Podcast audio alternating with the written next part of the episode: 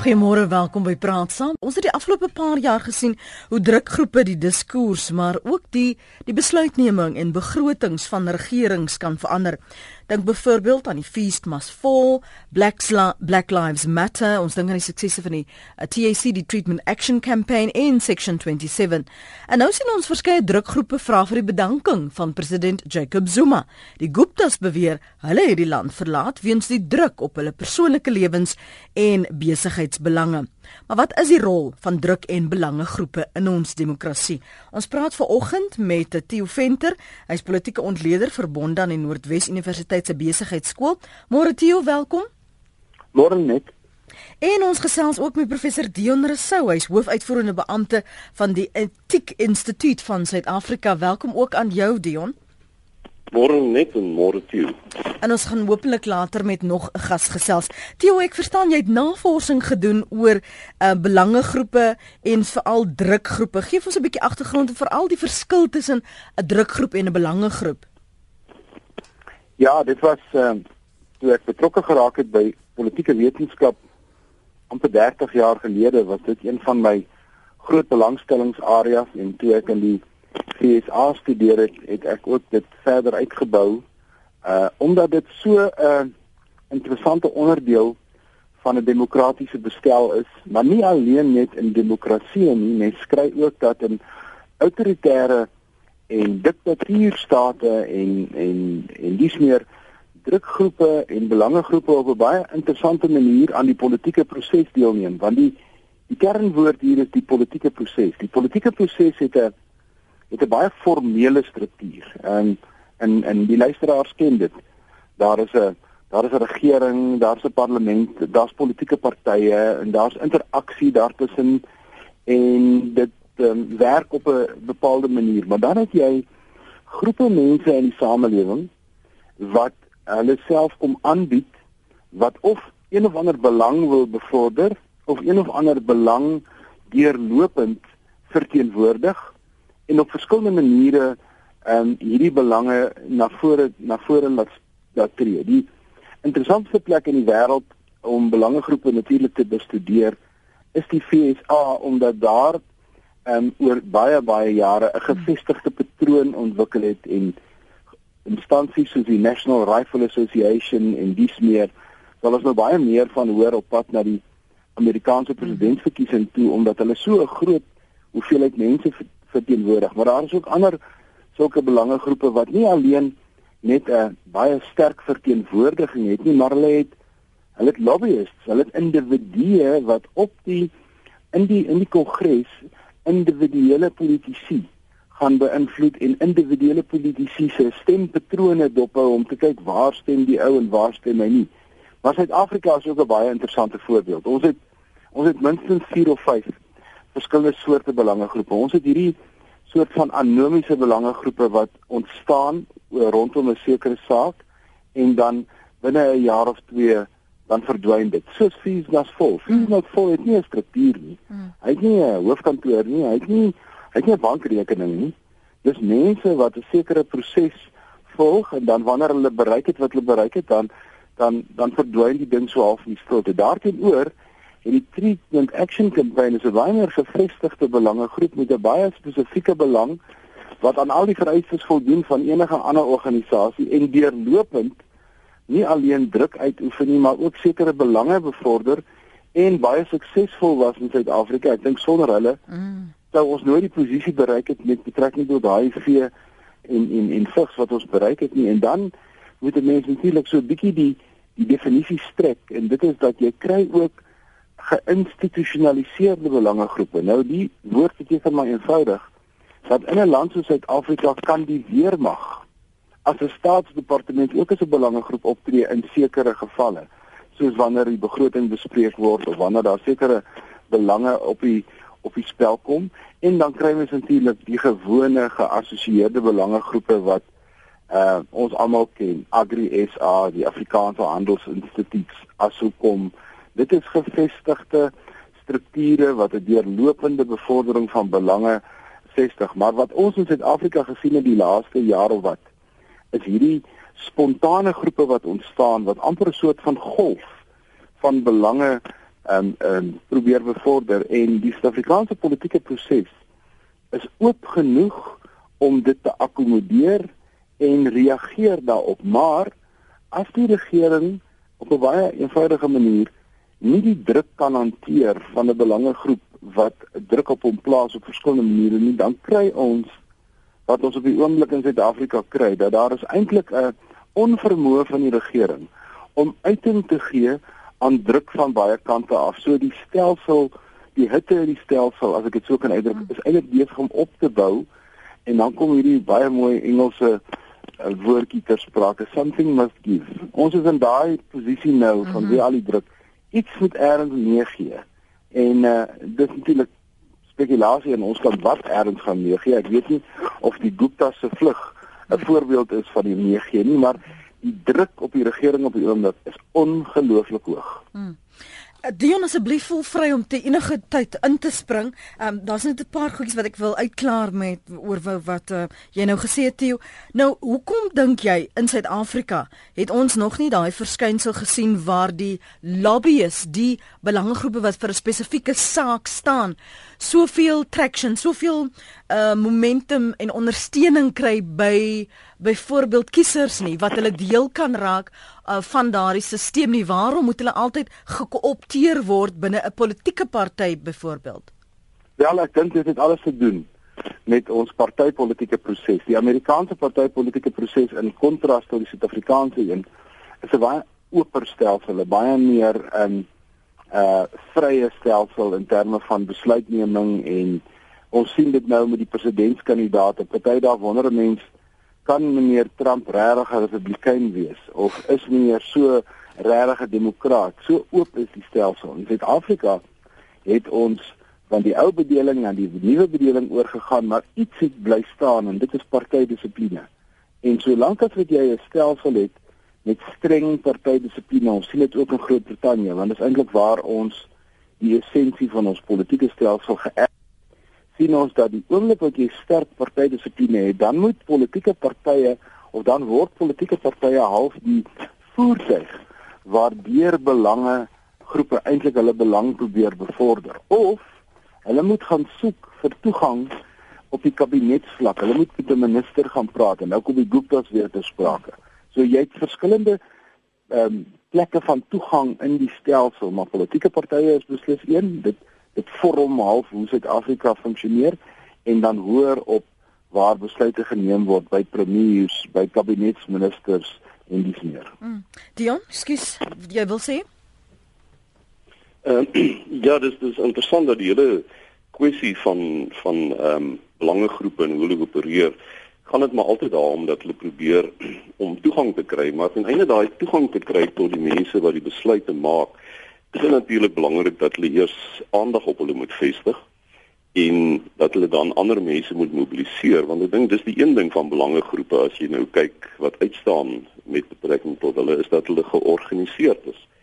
Ehm uh, met ander woorde die beginsel is as ons saam praat, uh tel dit net baie swaarder as wanneer ons op ons eie praat. Hmm.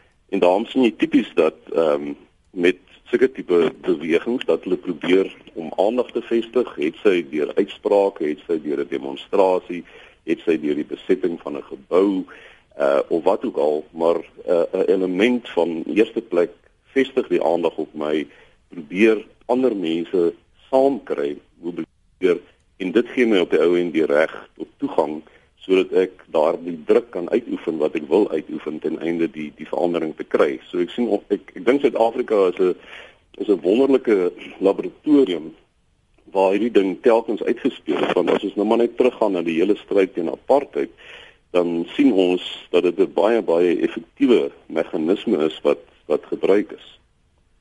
Baie interessante vraag hier vinnig van Kosie. Tio, miskien wil jy ook daarop reageer. Kosie in Johannesburg vra: Is die kredietgraderingsmaatskappye soos Moody's en Standard & Poor's nie ook drukgroepe van die Amerikaanse regering nie? Nee, dit uh, kyk, hulle kan hulle kan breedweg geklassifiseer word as 'n belangegroep. Dit is net die druk en die belange um, onderskeid ja. maak. Ehm um, as ons in die wetenskap daarna kyk, dan dan is die versamelnaam belangegroepe. Want nie alle belangegroepe oefen druk uit nie, maar Daar is sekere belangegroepe wat uitsluitlik drukgroepe is en ek weet uit die Britse uh tradisie van politieke wetenskap is daar altyd gepraat van pressure groups, maar die moderne neiging is maar om te praat van interest groups of belangegroepe. Ek dink nie 'n mens kan dit so sien nie. Ek dink die krediet uh graderings um groepe alhoewel um hulle hoofkantore in die FSA is behoort nie aan die Amerikaanse regering nie en het 'n totaal ander belang. Dis eintlik eintlik is hulle vrye agente wat optree om die kredietgradering namens ehm um, hulle self en in die bedryf te bepaal en die feit dat daar 3 is, daar's eintlik 4. Jy kan meer van hulle noem. Ehm um, beteken maar net elke maatskappy en elke land kan besluit watter kredietgradering beskou hy as die beste. Jy sal ook sien dat die kredietgraderingsagentskappe se kredietgradering van Suid-Afrika nie op dieselfde vlak is nie. Ehm um, hulle is hier en daar verskil hulle so klein bietjie. Ehm um, maar ek dink om dit te sien as 'n as 'n belang of 'n druk van die Amerikaanse regering is 'n oorvereenvoudiging van 'n baie komplekse omgewing. Ja, ek ek sou heeltemal saamstem met jou daar. Ek dink as hulle belang verteenwoordig, is dit die belang van die verskaffers van krediet. Want dit is tipies tipies die verskaffers van krediet wat kyk na hierdie graderings en besluit of hulle verder krediet wil verleen al dan nie. Ek dink dit is ook 'n tipiese voorbeeld van ehm um, 'n belangegroep wat nie noodwendig uh, altyd druk uitoefen nie, maar uh, navorsing doen en resultate bekend maak van navorsing. En uiteraard kan daardie navorsing en die uitsprake wat hulle maak uh, indirek lei tot tot druk soos ons tans in Suid-Afrika in elk geval baie baie duidelik uh, beleef dat die moontlikheid van 'n afgradering na rommelstatus iets is wat wel is waar baie druk uitoefen op Suid-Afrika alhoewel dit nie die intensie is dink ek van die krediet ehm um, gradeerder. Mm. Dankie vir daai Tameletjie Kusie, waardeer jou SMS. Kom ons gaan na ons lyne 0891104553. Dis 0891104553. Dit is nou 20 minute oor 8. Connie, wat het jy op die hart? Goeiemôre. Môre Lenet, ook jou gaste daar. Ek dink ons almal weet hier in Suid-Afrika sit ons met die werkloosheidsyfer baie hoog, swak ekonomiese vooruitsigte en so meer. So ek dink baie mense se toekomsmoontlikhede word ernstig bevraagteken. En ek dink gevolglik twyfel mense aan die sin en waarde van hulle betrokkeheid in die samelewing. Ek dink ons kan maar kyk, so rukkie terug het ek gelees oor Gillian Gork, 'n geesteswetenskaplike wat gesê do not become apathetic, apathetic do not become, become complacent. We're living in a time of uncertainty and that's when pluralistic ignorance is the most prevalent en ek dink ons kan daarop voortbou en sê dat ons kan nie apaties staan nie. Ons moet ons kritiek en protes mag nie weerhou word nie. Ons kan nie bekostig om om enigstens negatief te wees nie. Ons moet almal dink ek op alle terreine van die samelewing nou saam saam staan. En ek dink uh, hier is die media soos RSG en die, en die baie media oor die B spektrum is is 'n uitstekende platform dink ek uh en 'n kanaal waar die openbare belang uh as klankbord uitgedra word. Uh die burgerlike samelewing se stemme kan dan natuurlik nasionaal en ook wêreld uh, arenas bereik. Ek ek dink uh, dit is ons baie duidelik dat die ANC reeds geknou is oor die afgelope tyd met die negatiewe kommentaar in die media. So ek dink uh, dit is 'n goeie platform. Ons moet daarop voortbou en dit kan net goeie resultate lewer. Ek luister en 'n mooi dag vir julle. Baie dankie Connie. Kom ons hoor wat het Koos op die hart. Môre Koos. Môre net. Môre jou gaste. Net ek ek wil graag verwys wat jou venter gesê het oor jou groepe wat uh spontaan is en dan jou gestruktureerde groepe. Ek het uh, geluister na die hele debat in die parlement en elke oppositieparty maak nie saak of dit DA of ACDP of UDM of EFF of wie ook al is, kom ons noem hulle almal op Vryheidsfront Plus was. Almal het vir my daar 'n oomblik van hoop gegee in die sin dat hulle dit almal presies miskien dieselfde woorde gebruik het, maar die tema was dieselfde ene. Zuma moet ons moet ontslae raak van Zuma.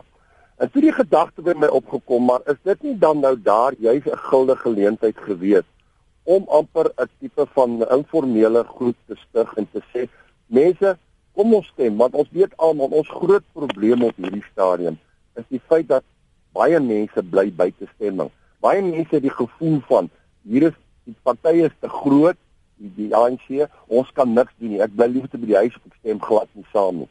En in in 'n sekere sin is ons demokrasie nog bitter jonk. Hy's maar 20, 22 jaar oud. Maar ons moet aanvaar dat daar baie gevestigde uh belange is van verskillende politieke partye wat nog nie gereed is om miskien in te skakel nie. Ek dink oor 15 of 20 jaar kan daar dalk net twee of drie groot partye in Suid-Afrika wees. Sou hierdie nie 'n geleentheid gewees het om om saam te staan as oppositie en aanmoediging te gee en te sê, "Maar kom registreer dat jy gaan stem nie." Nie noodwendig vir my nie. Ek dink ons ons die politieke partye fokus ook nog te veel daarop vir hulle self te sê kom stem vir my en kom stem vir daai ene. Ek dink die groot ding wat hier moet gebeur is dat ons moet of 'n regering kry van verskillende politieke partye waarin ander mense wat dan maklik gemakliker voel om te sê maar wag my belange gaan nou gedien word want ek het 'n verteenwoordiger in parlement en hierdie verteenwoordigende groep is met ander woorde die leiers. Alhoewel 'n tipe van 'n koalisie. Mm -hmm. Is dit nie is dit nie beter om nou te werk eerstens vir 'n koalisie en dan daarvan dan af af te reduseer na twee of drie groot partye toe nie? Dit het iets wat regtig binne opgekom het en ek kon ons te geleentheid verbygaan uh Lenet. Goed, dankie Koos, dankie vir daardie terugvoer. Van julle het al reeds ook SMS'e gestuur. Ek deel dit gou-gou um, met die res van die land wat julle daar sê, maar dat Alberton sê 'n korrupte politisie voel nou die krag van ontnugterende mense deur goeie kommunikasie en volgehoue verset. En dan as ek loer na ons webadres rsg.co.za dan sê Jan die president praat twee dae terug van besluitneming op die tradisionele manier wil hy nou terugbeweeg na 'n autokrasie wat hom tans beter sal pas in die benarde posisie waarin hy hom bevind. Dit lyk vir Jan soos 'n Mugabe toestand voorstel. Um, dis van die terugvoer op ons webblad rsg.co.za en jy's welkom om ook jou terugvoer daar te gee of bel ons sommer in die ateljee op 089 1104553 en dit lyk vir my een van SP se voorstel hierso Uh, hy het nou sê Himorsin verloor die SPC. Ons het 'n drukgroep nodig om te keer dat die Springbokke in die Proteas finaal gesing word. Nou dit is van die menings tot dusver. Ek dink Theo is wel terug. Ons probeer hom net weer vir professor Dion Rousseau in die hande te kry. Theo, miskien by jou begin omdat jy nou al terug is. Die die voorstel van Koos wat praat van dit was 'n geleentheid vir groter samewerking uh, tussen oppositiepartye. Nee, dit is bepaald so, maar ek dink 'n mens moet um, so 'n bietjie 'n onderskeid tref. Uh, wanneer ons praat oor belangegroep politiek, um, is politieke partye eintlik 'n kategorie op hulle eie want hulle tree uniek op en hulle het uh, 'n unieke rol in die samelewing en ek dink die media is ook 'n kategorie op sy eie. En daar mag soms oorvleeling wees, maar ek dink mense moet dit eenkant sit. Wat ons in die parlement gesien het is ek dink dit is 'n Chinese um, spreekwoord wat sê jou vyand se vyand is jou vriend.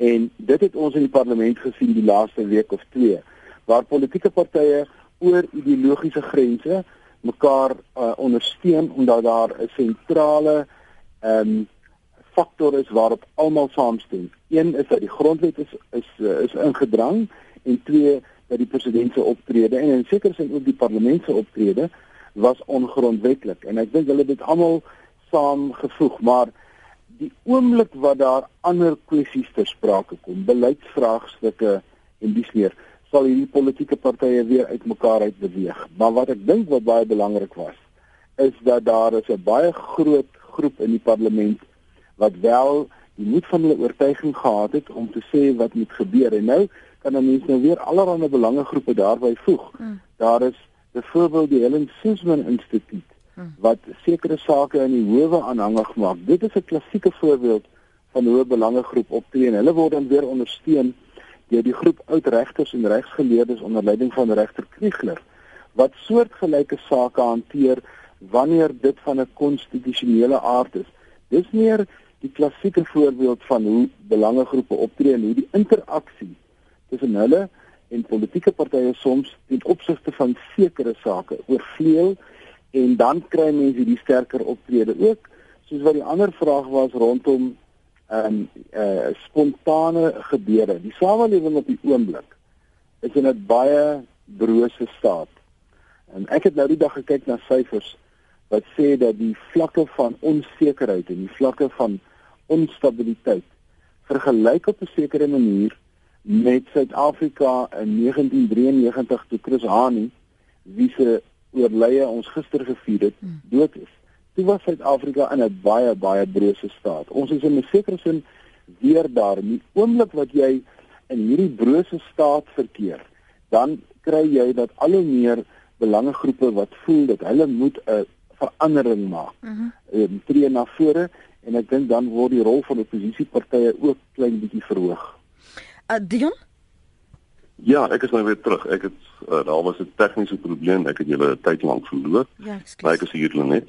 Um, ek terugkom na die die punt wat Connie ook gemaak het. Hy het ook verwys na hierdie uh, spontane bymekaar kom, maar daarmee saam gewaarsku dat as 'n mens complacent raak, as jy net agteroor wag dat iets anders of iemand anders dit moet doen, dat die betrokkenheid van die breë burger burgerlike groepe nou van belang is. Maar maar so dikwels hoor ons ook mense sê maar dit is nie wie ek is nie. My my idee van 'n drukgroep of belangrike belangegroep is ek sal liewer um nie my belasting betaal nie. Uh of ek sal nie uh, ek sal 'n brief skryf of 'n e-pos stuur. Maar ek is nou nie 'n voete op die straat kan 'n my sien nie. So so hoe um probeer jy of skep jy liewer die omstandighede waar almal voel jou tipe protes of jou tipe van druk word geakkommodeer en kan 'n mens werklik te jou ook almal akkommodeer? Ja, ek, ek dink dit is belangrik om te om te verstaan dat daar baie verskillende maniere is waarop 'n mens daai druk kan uitoefen. Die een manier en sekerlik die die maklikste en gewildste manier is is om jou ongemak of jou ongelukkigheid oor iets te verwoord, met ander woorde om jou om 'n uitspraak daaroor te maak. En ons sien natuurlik weer eens te dra meer gewig as mense bymekaar kom en as 'n groep so uitspraak maak. Soos wat ons laas week gesien het byvoorbeeld met die groot groep van burgerlike organisasies wat bymekaar mm. gekom het. Maar dis maar 'n manier. Dan is dit ook so dat jy kan demonstreer. Met ander woorde jy kan aan die strate toe gaan.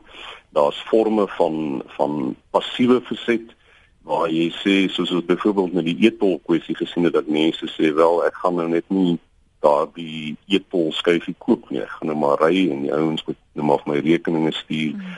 en ek gaan dit uitdruk en sloer en so meer tot natuurlik forme van van aktiewe teenstand waar mense letterlik die wet in hulle eie hande neem wat nou bekend staan as as burgerlike ongehoorsaamheid en uh Theo het nou net verwys na die soort van uh uh baie brose samelewing wat ons tans het en ek dink binne so 'n konteks is dit baie belangrik dat 'n mens ook kyk na uh nie net die druk wat jy toepas nie, maar ook hoe hoe, hoe jy dit doen dat jy nie op die ou en daai brose brose samelewing heeltemal laat verbrokkel nie.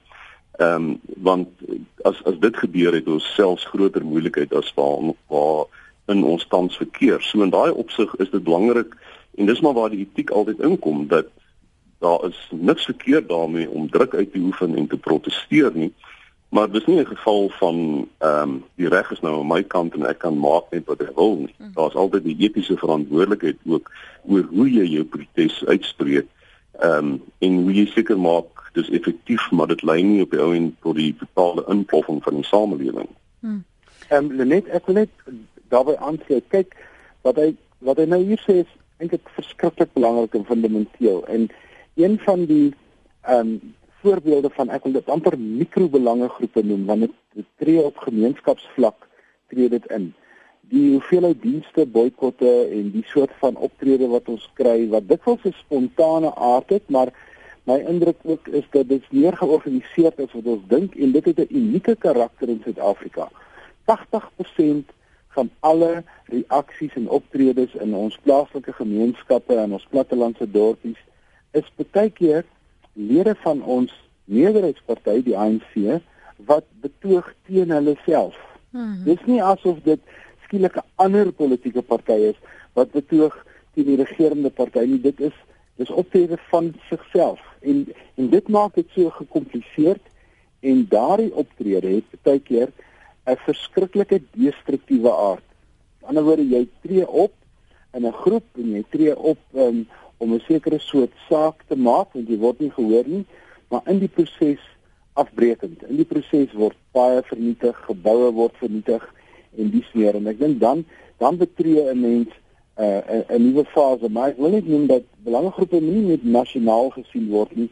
Dit moet ook dit moet ook op die gemeenskapsvlak gesien word en dan jou vraag wat sê ek skryf liewer 'n brief of ek of ek gaan praat liewer. 'n Individu het baie min ehm um, ehm um, drukkrag uh, uh, in 'n samelewing. Maar die oomblik wanneer jy jou krag begin saamvoeg, wanneer jy 'n organisasie vorm of wanneer jy deelneem aan 'n aan 'n soort van 'n 'n grondliggende verskywing, wat die Engelse 'n groundswell noem, mm -hmm. dan het jy mag en dan het jy invloed, maar op jou eie baie min. Mm.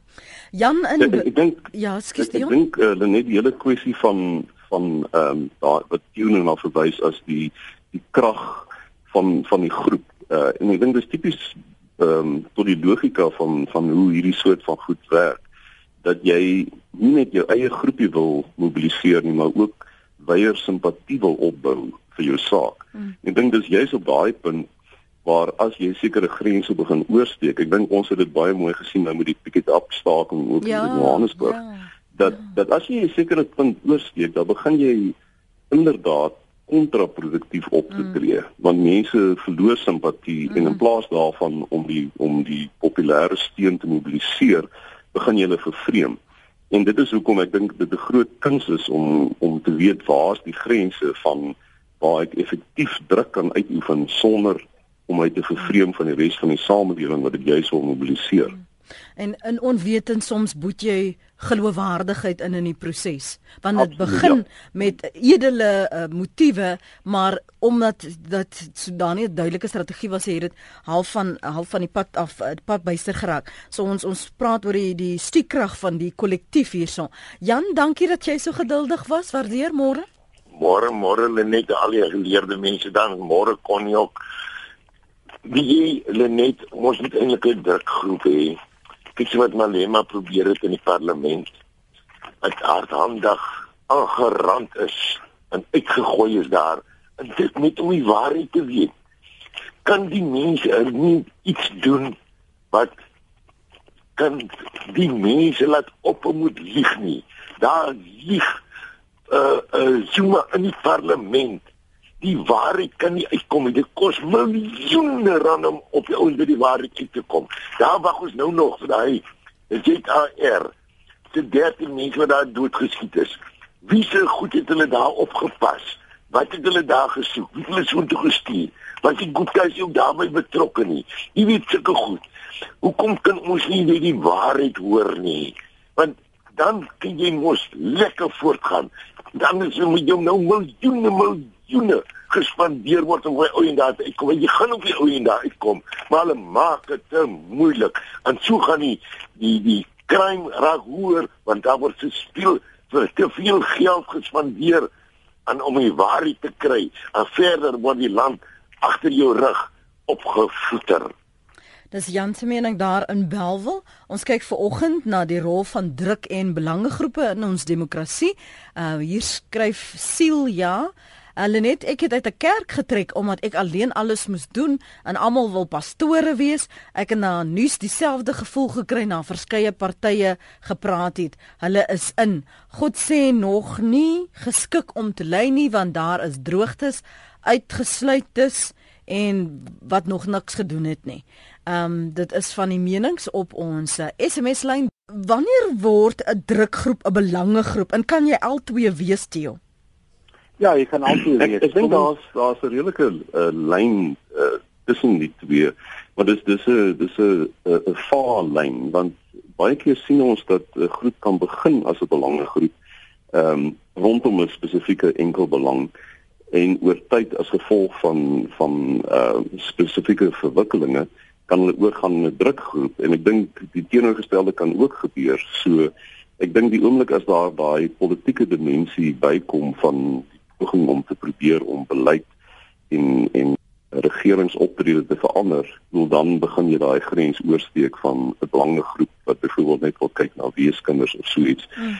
wat ook 'n drukgroep kan word om byvoorbeeld ehm um, regeringsbeleid oor versorging van van eh uh, kinders sonder ouers te begin beïnvloed. Hoe hoe suksesvol is hierdie groepe toe? Kyk, vakbonde het tipies hierdie ehm um, verkleermannetjie ehm um, karakter dat ehm um, soms tree hulle in die algemene belang op. Soms tree hulle op en soos wat mense tipiese belangegroep sou sien, maar dan wanneer dit oor 'n spesifieke werk gaan, naamlik ehm um, uh wat die situasie van die werker is en dis meer, dan word hulle um, amper latent drukgroepe en ek dink 'n baie goeie saak het ons gesien 2, 3 jaar gelede met die AMKU stakings in Rustenburg waar waar 'n staking um amper 'n hele gemeenskap vernietig het. En dan wonder mense nou, goed, wat was nou die uiteindelike uitkoms en hoe lyk Rustenburg vandag 2 of 3 jaar na daai amper um, ja, ja. Uh, vernietigende periode in die in die platinemyne. So ek dink die wanneer wanneer um, druk en belang met mekaar verskuif word, het nou baie te doen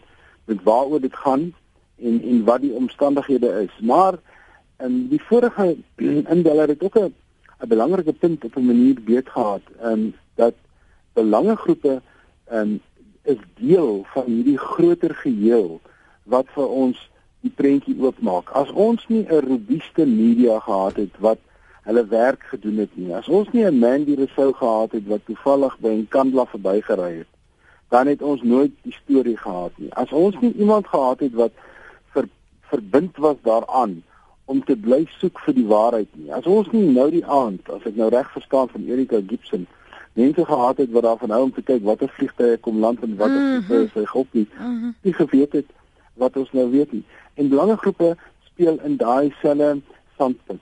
Hulle omdat hulle 'n spesifieke belang bevorder, Agri SA is 'n pragtige voorbeeld. Agri SA verteenwoordig nie net een groep boere nie. Hulle die legitimiteit om 'n baie groter geheel te verteenwoordig en hulle as mens nou na hulle optrede kyk, dan sien jy sien hulle kommunikeer nie net met die regering tussen die georganiseerde landbou en die regering nie.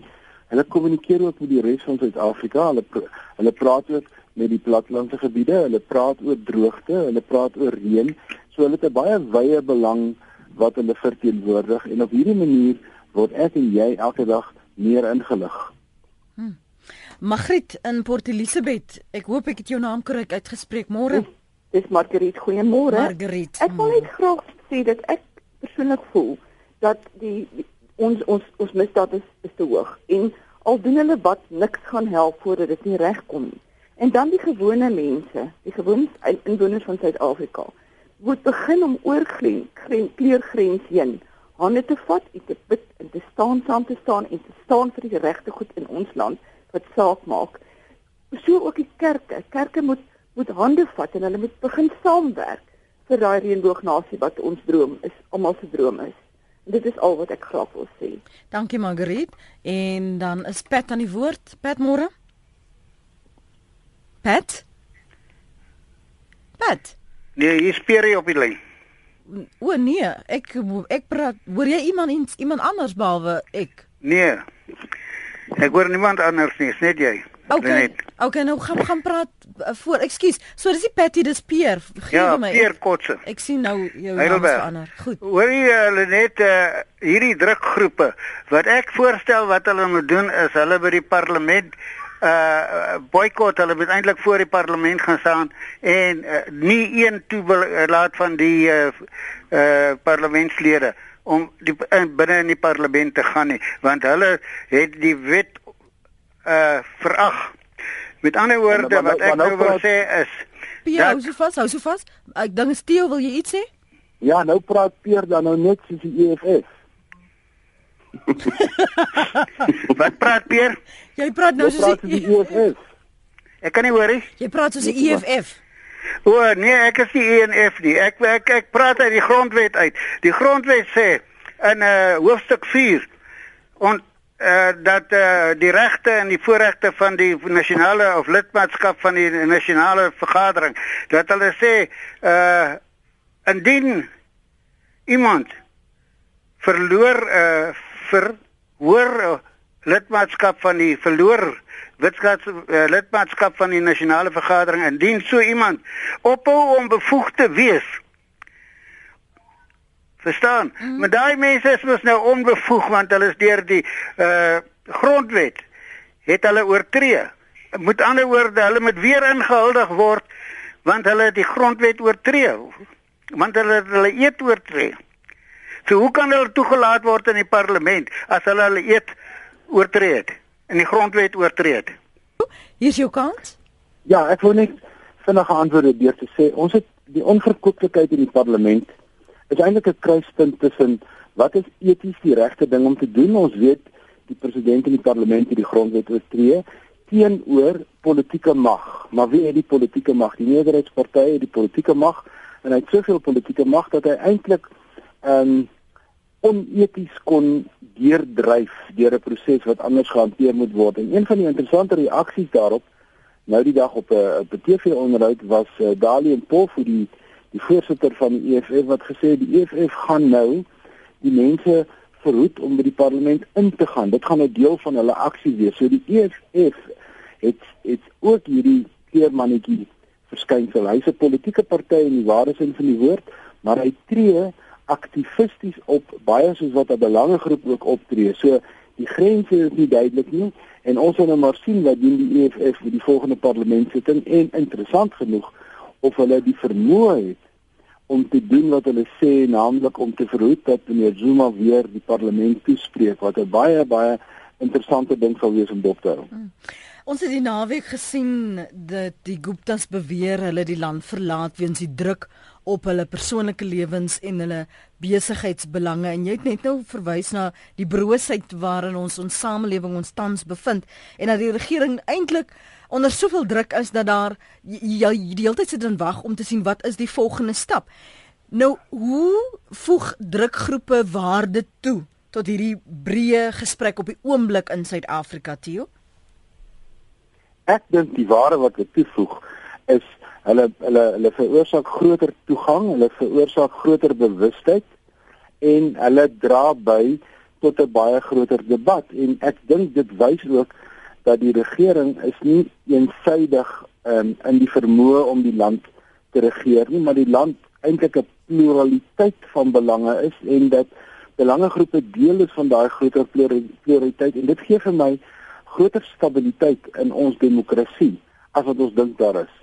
Mm. En dan as jy aan die ontvangkant is soos soos die Guptas in hierdie geval was of of beweer hulle is moet ek byvoeg Dion, ehm um, jou respons, jou reaksie dan? Ehm um, ek, ek dink as mens kyk na enige skandaal en hoe dit uitspeel, ehm um, die, die een ding wat wat nie werk as jy as jy aangekla word in in die in die publiek is om jou uh, onder die grond te probeer insteek en dit net te ontken nie. Ek dink die Nkandla sage is ook 'n perfekte voorbeeld daarvan dat as jy dit sou probeer doen of jy probeer snaakse jakkals draai hardloop, jy probeer uh, skuiwergate in die reg vind om om te kom. Ironies genoeg maak jy dit net erger want jy frustreer mense, jy daag die media amper uit. Ehm um, jy jy dra by tot al hoe meer spekulasie daar rondom. So die een manier om dit om dit nie te hanteer is om dit te ontken. Vroeger of later gaan dit uitkom. En as 'n mens kyk na na baie partye wat al deur sulke kwessies moes gegaan het, ehm um, as jy op die ou en jou morele geloofwaardigheid wil terugwen, dan is die enigste resep maar basies dat jy moet erken in hierdie opsig was ek verkeerd en uh, so vinnig as moontlik stappe doen om dit te probeer regstel. As 'n mens dan kyk wat met 'n kandelaar uh gebeur het en hoe lank dit gevat het om 'n halfhartige apologie die president te kry. Op die stadium toe daar die apologie gekom het, het dit geen morele geloofwaardigheid meer gehad nie. Want vir 2 jaar voor dit was daar omtrent elke triek in die boek uitgehaal hmm. juis om dit te probeer ont, ontkom of uh, dit te ontken of op enig op een of ander wyse dit te omseil en as ek net uh, kan kyk na wat ons laaste twee uh, inbelders gesê het dan dink ek die feit dat dat jy 'n meerderheid in die parlement het, gee nie vir jou morele geloofwaardigheid nie. En die een versigtiging wat ek hoor oor al die belangegroepe heen wat tans ehm um, baie uh uh um hoorbaar is, is dat ons herstel moet kry en 'n terugkeer moet kry na sekere basiese waardes soos eerlikheid, soos respek, soos verantwoordbaarheid. Ehm um, en ook ek dink die ander ding wat my verbly in hierdie hele proses is dat die die die oppergesag van die grondwet ehm um, as ook die onafhanklikheid van ons artikel 9 instellings het nou uh ek dink groter krag as wat dit ooit van tevore gehad het. Hmm. Jy het net nou genoem en dis waarmee ons gaan afsluit uh, van jou kant Theo. Jy het gepraat van hoe die EFF half twee rolle speel. Hulle is aan die een kant hierdie drukgroep, maar hulle is ook 'n politieke party nou. Indien van ons luisteraars is wat voel maar ek voel sterk oor 'n saak. Ek glo in byvoorbeeld skoon water. Um en ek ken duisend ander mense wat dieselfde voel soos ek. Hoe mobiliseer jy? Uh hoe um skep jy vir jouself 'n strategie sodat jy gehoor word en daar gehoor gegee word aan waarvoor jy staan en wat jy wil sê? Kyk, dis baie belangrik wat ek vroeër ook gesê het, dis as individu het jy min impak. Maar die oomblik wat jy kollektief optree, dan raak die saak heeltemal um um anders en dan dan begin mense optree en daar is baie gemeenskapsorganisasies wat sulke werk doen en goeie werk doen. Ek dink maar vinnig aan Afriforum wat baie keer van hierdie sake opneem, maar daar's ook ander gemeenskapsorganisasies wat nie noodwendig 'n nasionale um, uh, profiel het soos soos Afriforum nie wat dit ook doen veral in Noordwes wit soos Lichtenburg en in in so Mm. Jy nog daar? Ja, ek is daar. Okay. Praat jy jy praat met ander woorde saam met 'n